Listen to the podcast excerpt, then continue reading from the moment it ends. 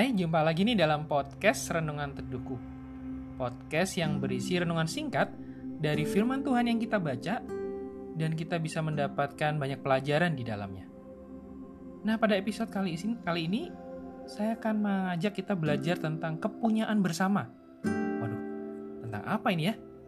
Oke, sebelumnya kita akan mendasari dahulu dari salah satu bagian firman Tuhan dari kisah para rasul pasal keempat ayat 32. Saya bacakan.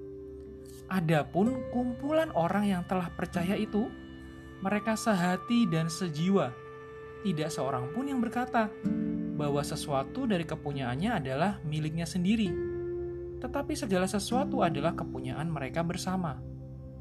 Nah, manusia itu pada dasarnya memiliki kecenderungan untuk bersikap individualistis.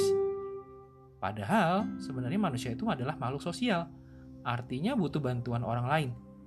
Akan tetapi, secara natur manusia itu memiliki rasa kepemilikan yang tinggi.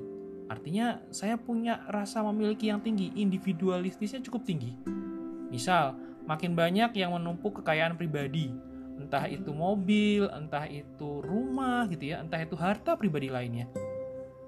Tentu tidak mudah dong mengubah sifat dasar kepemilikan pribadi yang dimiliki oleh seseorang menjadi kepemilikan bersama yang dimiliki oleh sekelompok orang atau banyak orang. Padahal dia mencarinya bekerjanya untuk diri sendiri, kemudian dinikmati bersama-sama. Tentu tidak mudah mengubah mindset seperti itu. Nah, biasanya jika ada yang bisa mengubah mindset seperti ini, maka sifat dasar itu tentu harus dikikis sedikit demi sedikit. Dan kalaupun bisa berubah, tentu biasanya ada hal-hal besar yang dia ingin capai karena itu lebih menyenangkan atau lebih menguntungkan mungkin untuk menjadikan itu sebagai kepemilikan bersama. Tapi yang saya ingin renungkan pada podcast kali ini bukan hal seperti itu. Tapi menariknya adalah ketika seseorang menerima Yesus sebagai juru selamat, maka seakan-akan kepemilikan pribadinya, hartanya, rumahnya, atau eh, apa mobil atau apa pun kepemilikan pribadi lainnya itu seakan-akan nggak berarti lagi Kenapa? Karena harta terbesar, harta istimewa adalah ketika seseorang mendapatkan Yesus Kristus dalam hidupnya. Dia menerima Yesus sebagai Tuhan dan Juru Selamat, itu sebenarnya harta yang paling luar biasa. Kenapa? Karena kita menerima keselamatan, kita menerima kehidupan kekal yang baru. Ketika kita menerima Yesus sebagai Juru Selamat dalam hidup kita. Nah, mindset dan sifat dasar kita yang individualis tentu makin lama akan makin yang berubah karena Yesus mengajarkan untuk kita berbagi.